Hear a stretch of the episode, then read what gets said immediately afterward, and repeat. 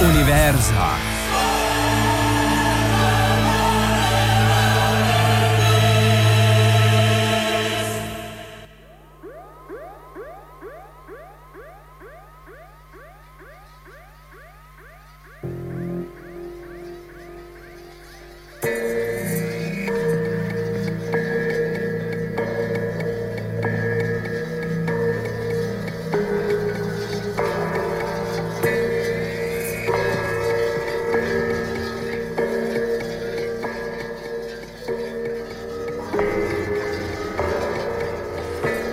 Spotike in oblike znanosti danes.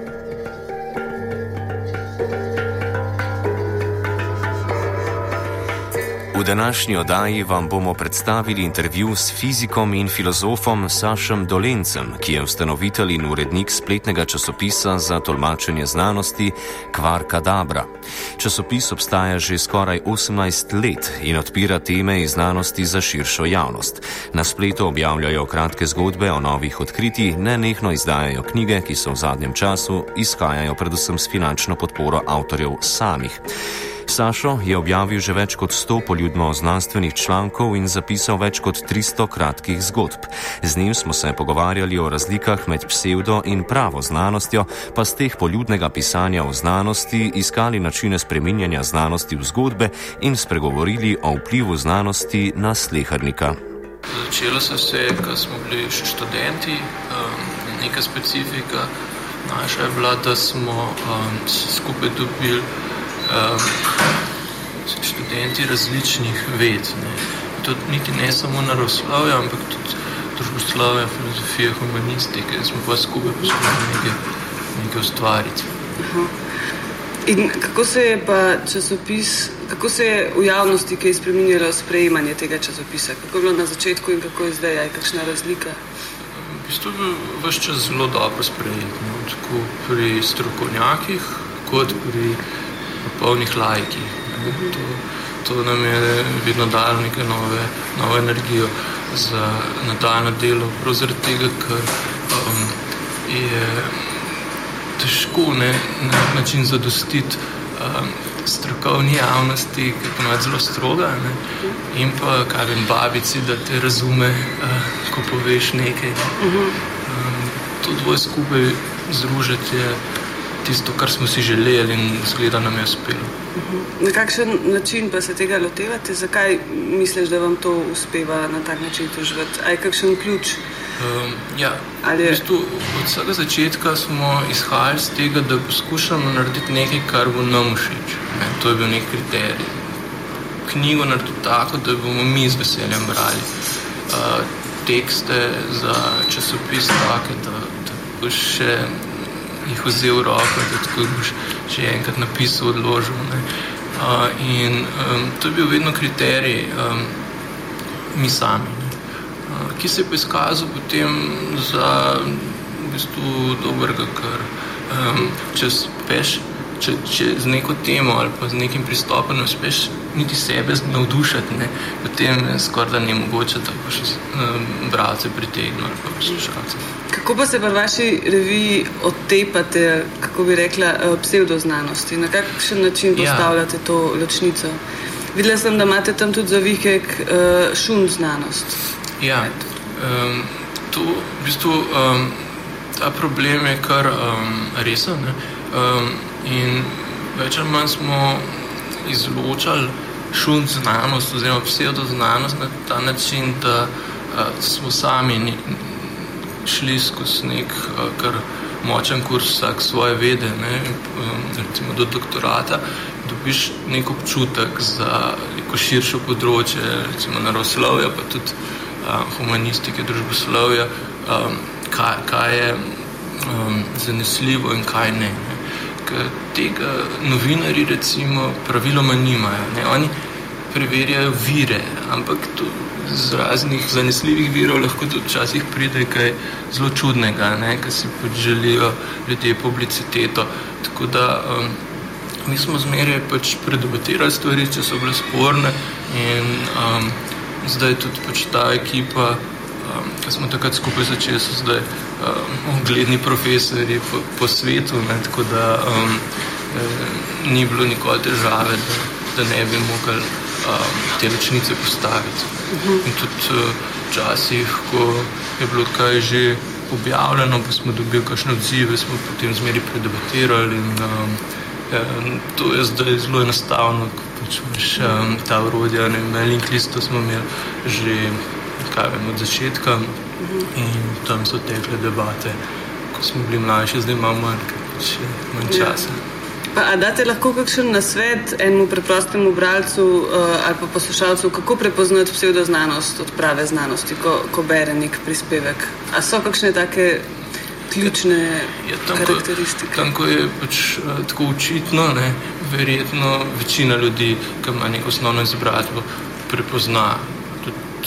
Če v nekem zanesljivem časopisu, ki ima veliko bralcev, nekaj objavljeno ali pa da je novinar zanesljiv, se temu lahko bolj ali manj verjame. Uh, večji problem so razne internet objave, pa forumi, pa, kjer ljudje zelo uh, prepričljivo, dobro argumentirajo stvari, ki nimajo neke prav, nekega pravega strokovnega ozadja. Uh, tukaj pa zadnje čase mislim, da zelo dobro deluje neko društvo skeptikov v Sloveniji ki prav vsake tok časa pripravi kakšno um, vestilo za javnost, zelo na svet, pa spletnih straneh objavijo vsa dejstva zelo lepo razložena um, in um, to potem pomaga pri takih razpravah, ki pač neka referenca dobro dobro opisana z vsemi znanstvenimi, tudi če kdo hoče pogledati bolj natančno. Uh mhm. -huh. Tako da um, v bistvu Kakšno pa je vaše mnenje o teh uh, spletnih straneh, ki se pojavljajo na socialnih omrežjih, kot YouTube, Facebook,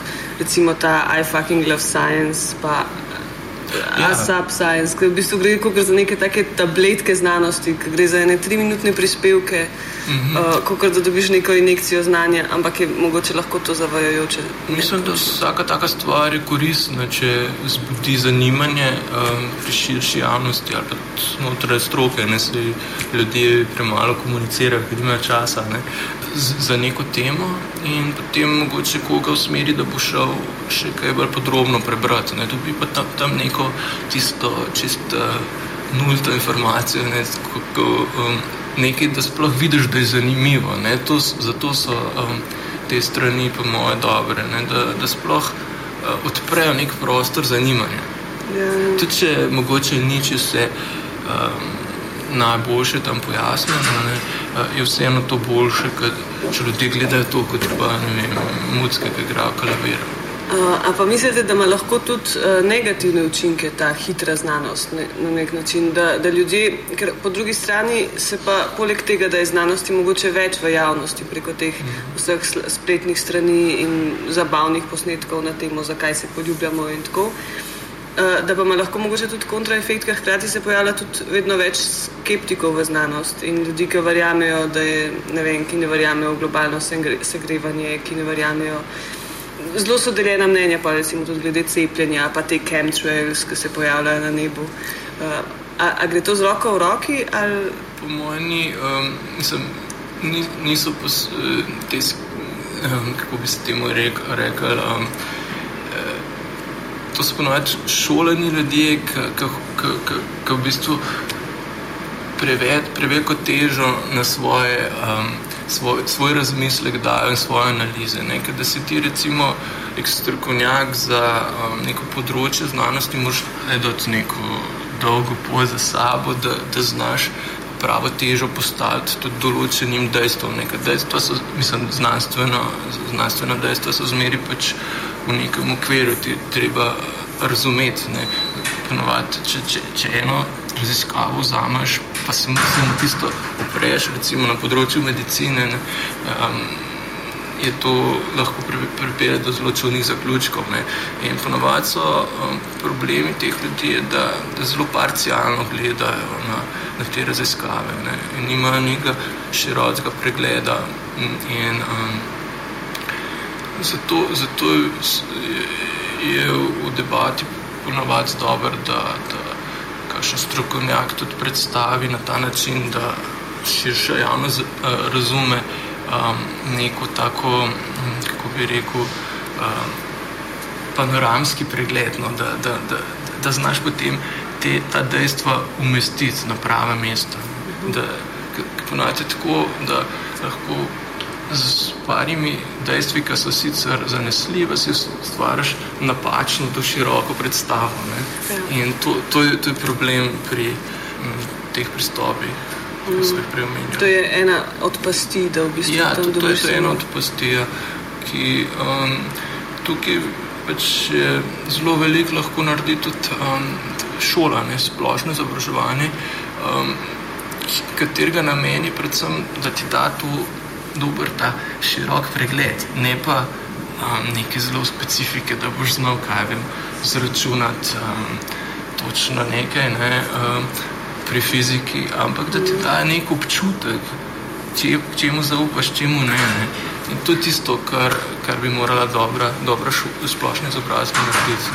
Danes še posebej na, na področju medicine in biologije, um, kjer, kjer kaj vem, da znaš našteti vse dele, kaj vem, neke vse rožice. Ja, ja. Um, je v bistvu danes dokaj nepomembna informacija napram temu, da, da znaš mogoče, um, da imaš nek občutek, recimo, kaj piše na nekem izvidu, ki ga dobiš iz laboratorija, ko daš kri pregledati. Ne. Tega pa mislim, da se ne, ne uči v šolah. Kako pa je z znanostjo, ko v bistvu, ko pa dobi preveliko moč, ko pa če imamo na eni strani te skeptike, imamo na drugi strani lahko mogoče neke vernike, ki pa jemljajo znanost kot neko, že skoraj kot religijo. No? Verjamejo, da bi znanost lahko reševala tudi etična in moralna vprašanja. Ja, kaj, kaj pomeni znanost? Ja, znanost v različnih kontekstih ima zelo različne pomene, ne? tako kot demokracija, pa svoboda. Um, zdaj, um, uporabnem pomenu za tole debato lahko znanost definiramo kot neko inštitucijo družbe, ki, je, ki omogoča sodelovanje med ljudmi na nek poseben način. To je na tak način, da ni važno, kdo si, važno je, kaj poveš. Ne. Zveni zelo preprosto, ampak človeštvo rabilo kar nekaj časa, da je formulirano tako odnos med strokovnjaki. Ne. To se je zgodilo tam nekje v času renesanse s pisemsko republiko, s evropski intelektualci, takrat so začeli med sebojno si izmenjevati na pol javna pisma. V tej pisemski republiki so sodelovali vsi iz različnih ver, um, različnih narodnosti, um, spolov. Vse je šlo na to, kdo ima boljše argumente. Ne. Z tega se potem eh, razvil znanstven tisk, revije, članki. In uh, ideja zadnje je še zmeraj ista. Ni važno, kdo si, važni so tvoji argumenti. Uh, lahko pač nekdo velik strokovnjak na nekem področju, pa ga lahko nek um, študent, ki ima neko briljantno idejo, um, pač postavi, mislim, obrne tisto njegovo prej pomembno spoznanje. To, to v znanosti je nekaj samoumevnega. Se v praksi to dogaja? Ali to je pa drugo, zato ker je to je nek ideal, ja. uh, za katerega se je treba zelo, zelo truditi, neprestano, da se udejanja. Ne. Mm. To ni neko normalno stanje odnosov med ljudmi. Ljudje nismo taki. Ne. Um, in uh, zato je znanost vedno znova izumlja neke nove načine, kako ta odnos vzpostaviti, pa gojiti. Zelo pomembno je tudi, da je ne samo, da vseeno, kdo, kdo si, pomembno je tudi, da je vse znanje javno in vsem dostopno. Ne?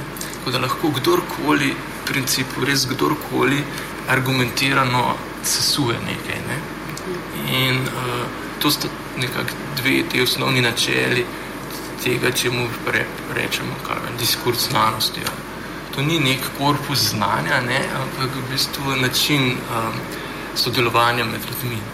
In, tukaj, in to je v bistvu nekaj čist drugega kot religija, ne, kjer pa so, uh, če, če na tem področju znanosti rečemo samo um tisti, ki je pomemben, ne, na področju religije pa ravno so druge stvari pomembne, emocije, recimo osnova religije, da nekaj verjamem, kljub temu, da vem, da je absurdno. Ne? To je tisto, uh, kar.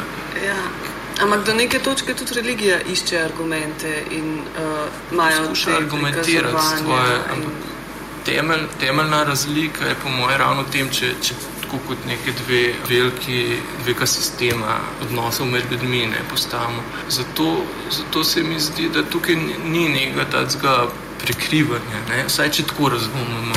Pa so vseeno znanosti zanimive te znanstvene ločine, recimo skupina ljudi, ki še vedno močno verjame, da je Zemlja ravna.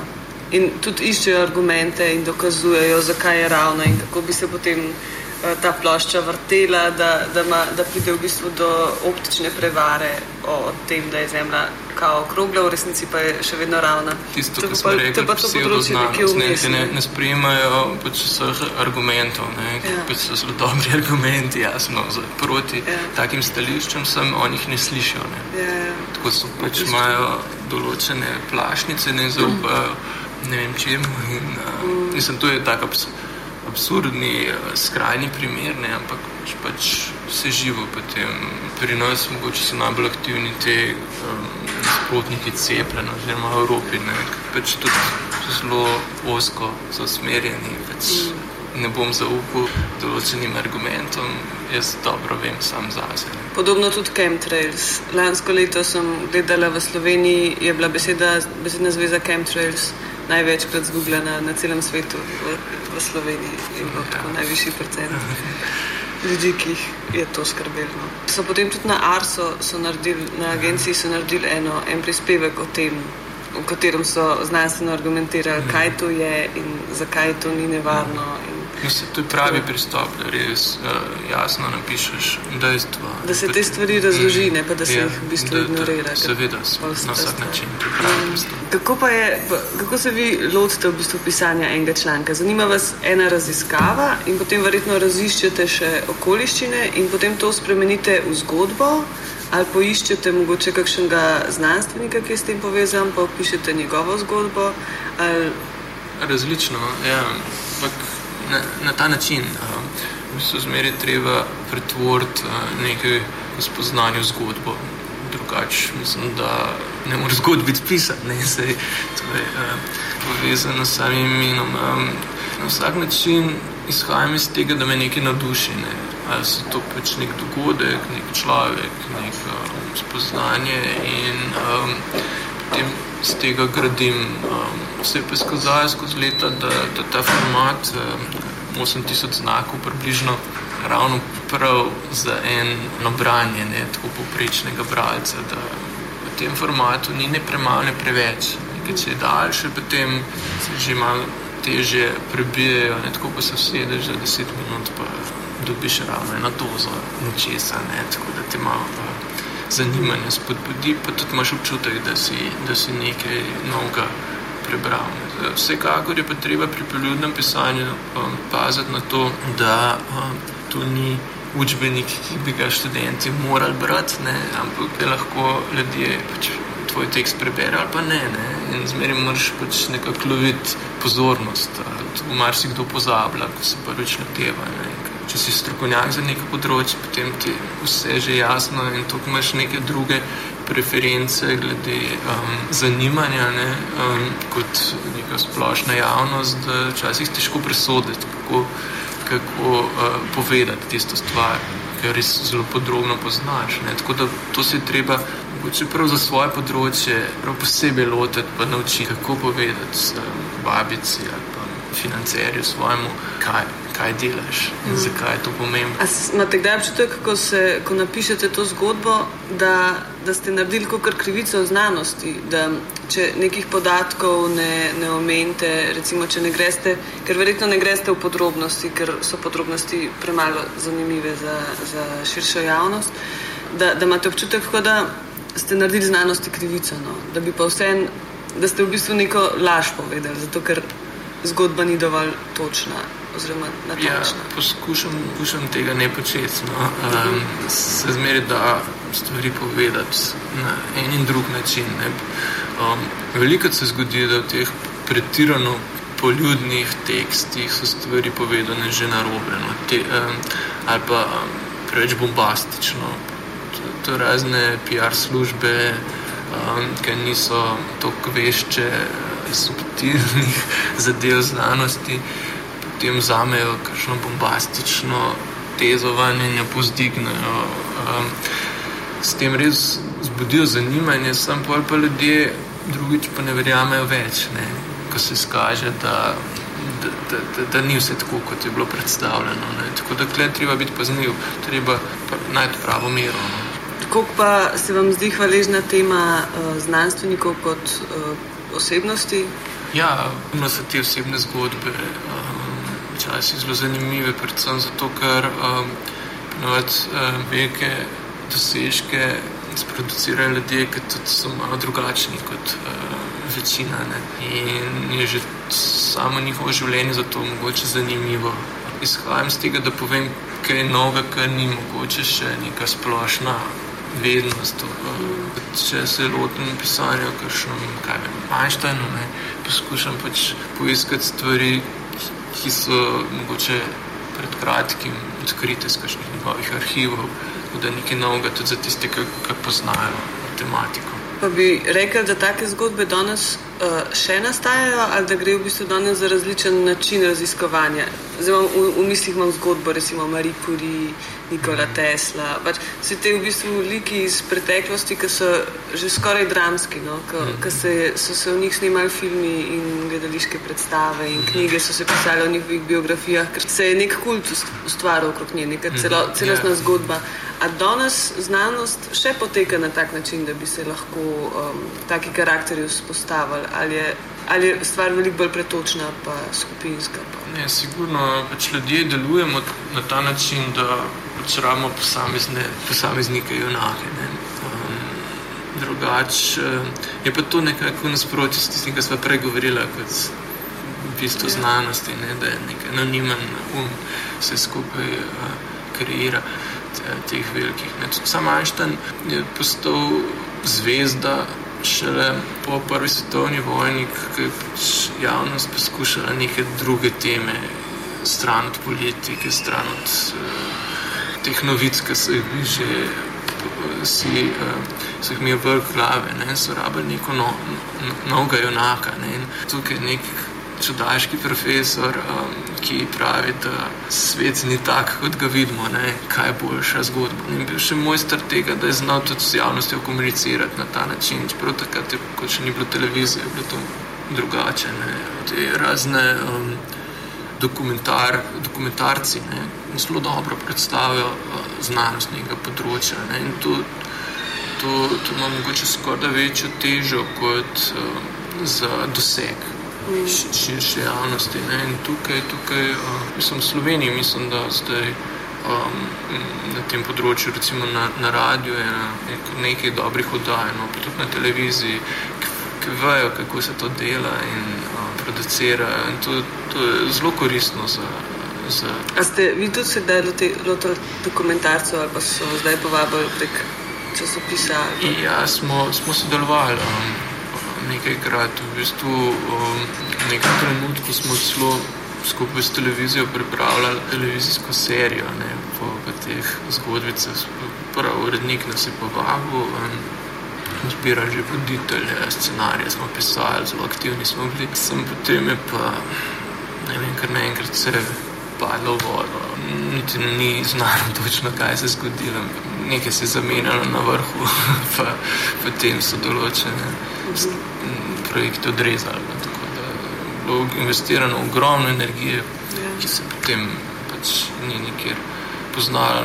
Mogoče pa, pa je pač te ljudje, ki so nam takrat sodelovali z nami, no, so zdaj pač delali neke druge oddaje, ki se tudi lotevajo zelo dobro znanstvenih tem. Tako da mislim, da neka ta energija živi naprej. No, da, ampak ni pa prav kvarka dobra televizija, no, tako kot smo takrat um, mislili, da bo. Kako je sploh financiranje za, za poljubno znanost oziroma za, za ta znanstveni PR? V bistvu, pred kakšnim petimi leti, pa še malo več, je bilo zelo veliko denarja.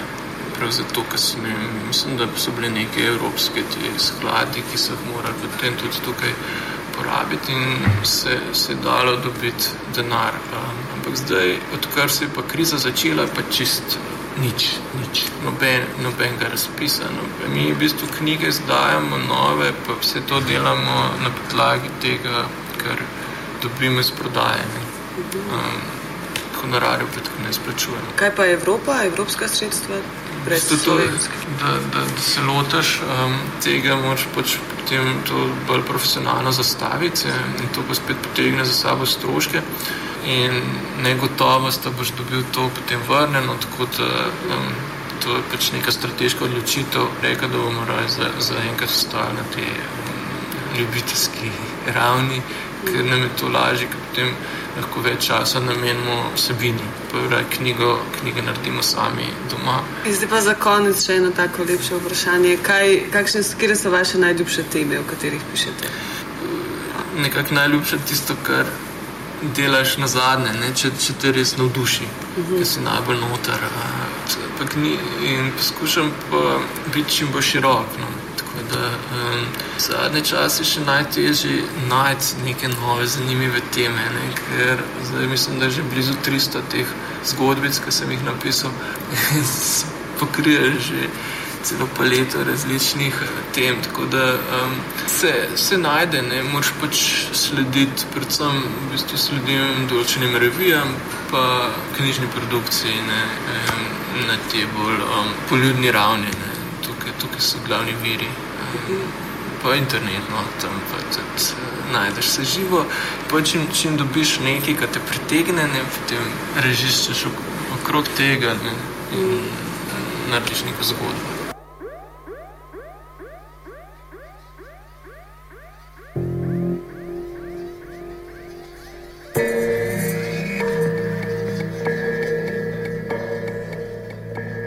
O znanosti je s Sašem Dolencem filozofirala Urša Adamič.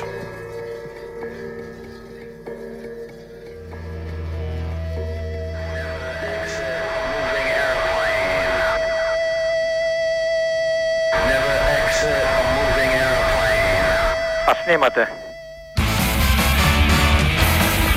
Meni zadošča, da bi padla kakšna opeka študentu na glavo, pa bi ne glede na to, sem dekan ali ne, uh, bil hud in žalosten. Zdaj me je predvsem strah. Tako jutro se uh, vprašam, ali se ni po noči zgodilo kaj takega, kar uh, strahom pričakujem. To lahko imenujete kakorkoli hočete, tudi uh, zdaj to občutim tako.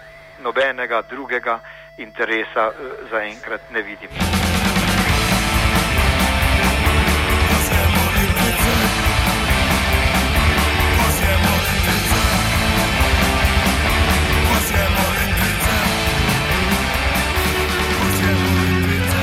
Če mogoče ene dva jointa skaditi.